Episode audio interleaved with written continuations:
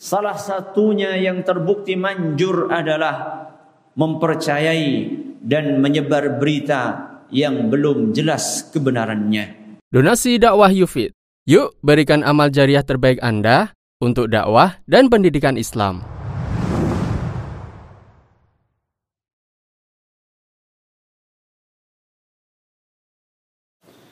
Innal hamdalillah نحمده ونستعينه ونستغفره ونعوذ بالله من شرور أنفسنا ومن سيئات أعمالنا. من يهده الله فلا مضل له ومن يضلل فلا هادي له.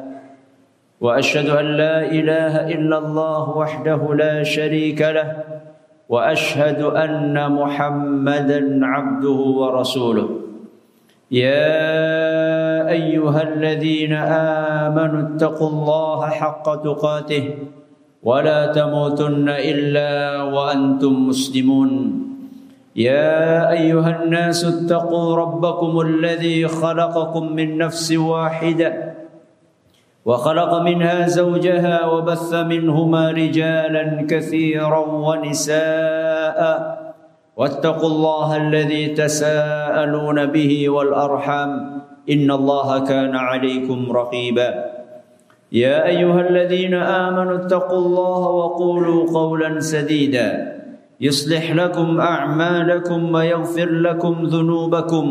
ومن يطع الله ورسوله فقد فاز فوزا عظيما. أما بعد فإن أصدق الحديث كتاب الله.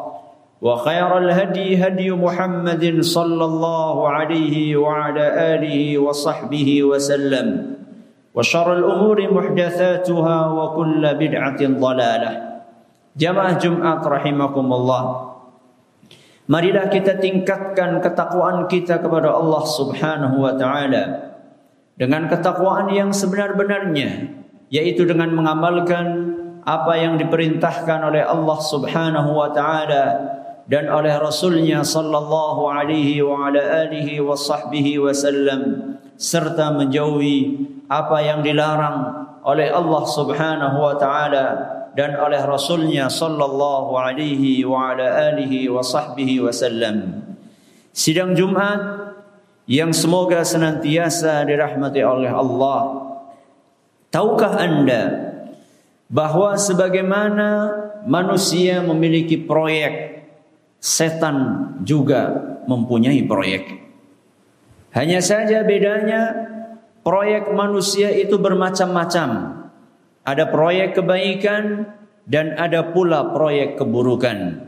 Sedangkan proyek setan cuma satu macam saja, yaitu proyek keburukan.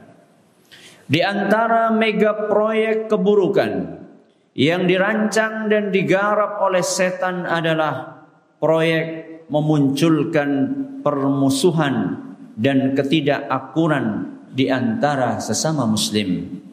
Rasulullah sallallahu alaihi wasallam bersabda, "Inna syaitana qad aisa an ya'budahu al-musalluna fi jaziratil Arab." Sesungguhnya setan telah putus asa untuk membuat orang-orang yang rajin salat di jazirah Arab menyembah dirinya. Walakin fit tahrishi bainahum. Namun yang diusahakan oleh setan adalah memunculkan permusuhan di antara sesama mereka. Hadis riwayat Muslim.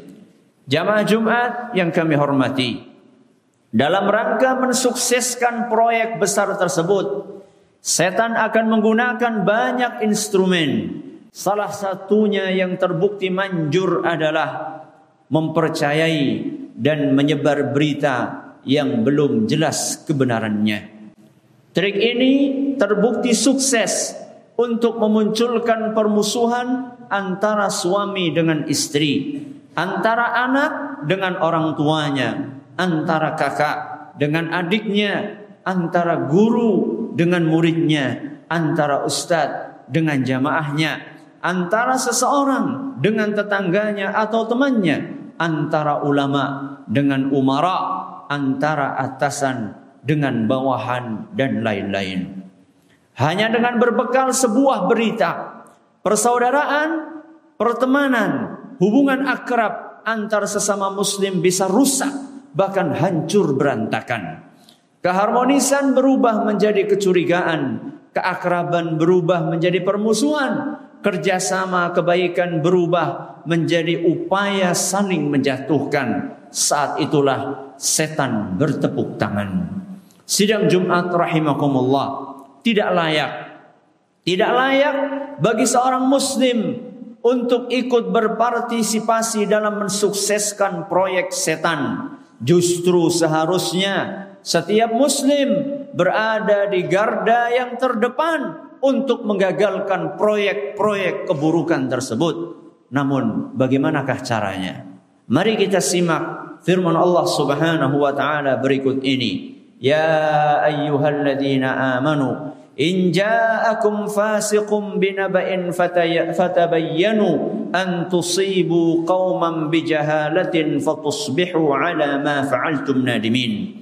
Wahai orang-orang yang beriman, Apabila ada orang fasik datang kepadamu membawa suatu berita Maka bertabayyunlah Maka telitilah kebenarannya agar kalian tidak mencelakakan suatu kaum karena sikap kecerobohan yang akhirnya kalian menyesali perbuatan itu. Al-Quran Surat Al-Hujurat ayat 6.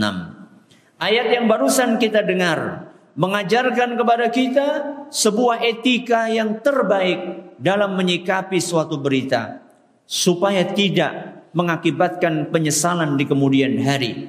Etika tersebut adalah teliti dan cross check berita tersebut. Mengapa perlu demikian? Sebab sebuah berita sekurang-kurangnya memiliki tiga kemungkinan.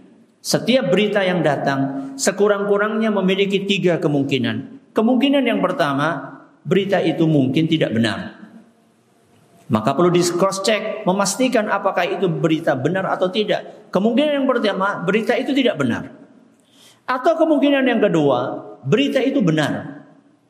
Namun kita keliru di dalam memahaminya. Yang pertama, kemungkinan berita tidak benar. Kalau ternyata setelah di cross check berita tidak benar, maka selesai masalah. Atau kemungkinan yang kedua, berita itu tidak benar, berita itu benar.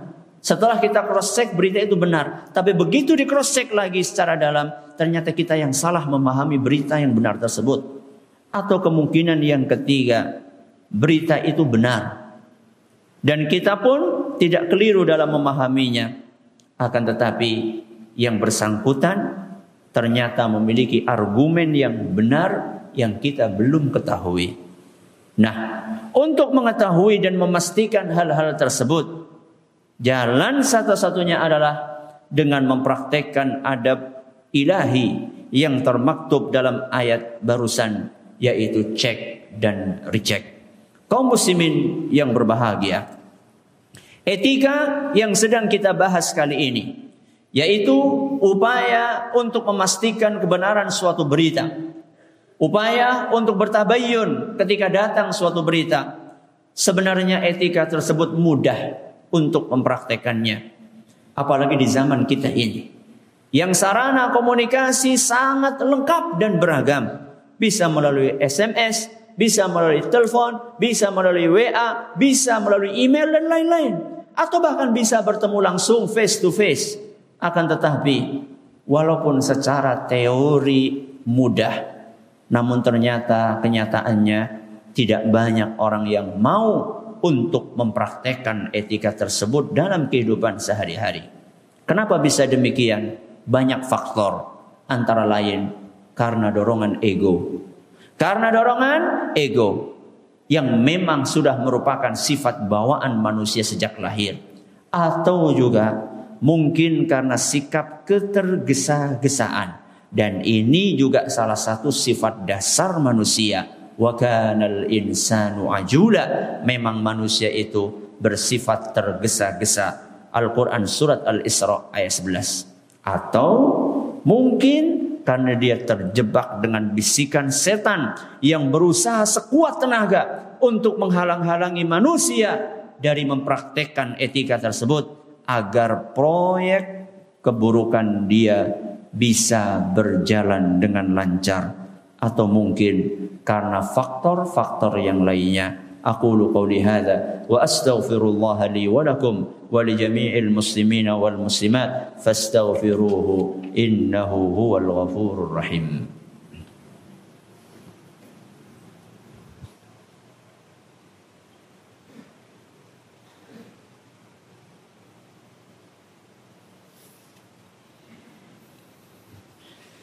Alhamdulillahi wahdah. Wassalatu wassalamu ala man la nabiyya ba'dah. Amma ba'd. Jama jum'at rahimakumullah.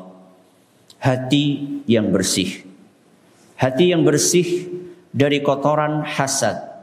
Iri dengki suudhan dan noda-noda yang lainnya.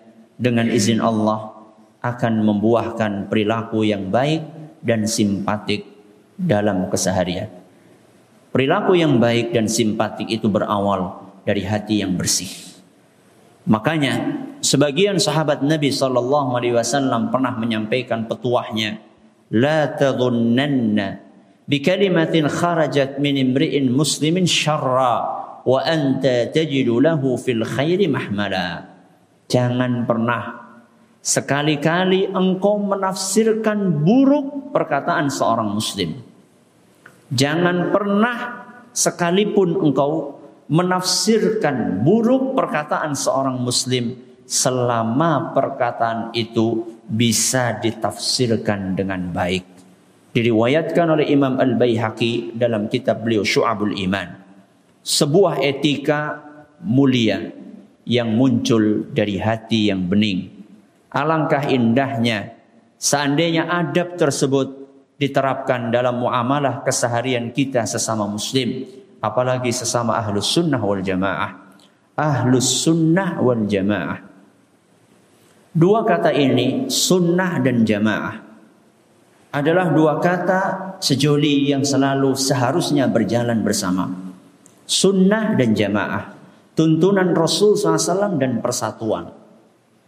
Ketika orang berpegang dengan sunnah Rasul SAW maka akan menghasilkan persatuan. Dan tidak mungkin persatuan bisa dicapai tanpa berpegang dengan sunnah Rasul Shallallahu Alaihi Wasallam. Maka seandainya ada orang mengklaim dirinya ahlus sunnah, tapi selalu menimbulkan perpecahan, maka cocoknya ahlus sunnah wal furqah, bukan ahlus sunnah wal jamaah. Ahlus sunnah wal jamaah ahli sunnah dan persatuan. Kalau ahlus sunnah wal furqah, ahlus sunnah dan perpecahan. Harusnya al furqah atau perpecahan itu menjadi ciri khas ahlul bid'ah, bukan ahlus sunnah. Ahlul bid'ah wal furqah sebagai kebalikan dari ahlus sunnah wal jamaah. Maka apakah kita sudah benar-benar mempraktekkan slogan ahlus sunnah wal jamaah dalam diri kita atau belum? Seandainya etika yang tadi dijelaskan oleh Allah Subhanahu wa taala kita praktekkan, maka akan sangat banyak permasalahan, akan sangat banyak problematika yang pelik yang bisa dihindarkan dan ditepis sejak awal insya Allah. Maka marilah kita mulai melatih diri kita membersihkan hati, menjaga lisan dan berhati-hati dalam menerima berita atau menyebarkan berita. ألا وصلوا وسلموا رحمكم الله على الهادي البشير والسراج المنير كما أمركم بذلك اللطيف الخبير فقال في محكم التنزيل إن الله وملائكته يصلون على النبي يا أيها الذين آمنوا صلوا عليه وسلموا تسليما اللهم صل على محمد وعلى آل محمد كما صليت على إبراهيم وعلى آل إبراهيم إنك حميد مجيد اللهم بارك على محمد وعلى آل محمد كما باركت على إبراهيم إبراهيم وعلى آل إبراهيم إنك حميد مجيد. ربنا ظلمنا أنفسنا وإن لم تغفر لنا وترحمنا لنكونن من الخاسرين. ربنا اغفر لنا ولإخواننا الذين سبقونا بالإيمان ولا تجعل في قلوبنا غلا للذين آمنوا. ربنا إنك رؤوف رحيم. ربنا لا تزغ قلوبنا بعد إذ هديتنا وهب لنا من لدنك رحمة إنك أنت الوهاب. ربنا آتنا في الدنيا حسنة وفي الآخرة حسنة وقنا عذاب النار. وصلى الله على نبينا وسيدنا محمد وعلى آله وصحبه أجمعين. وآخر دعوانا أن الحمد لله رب العالمين.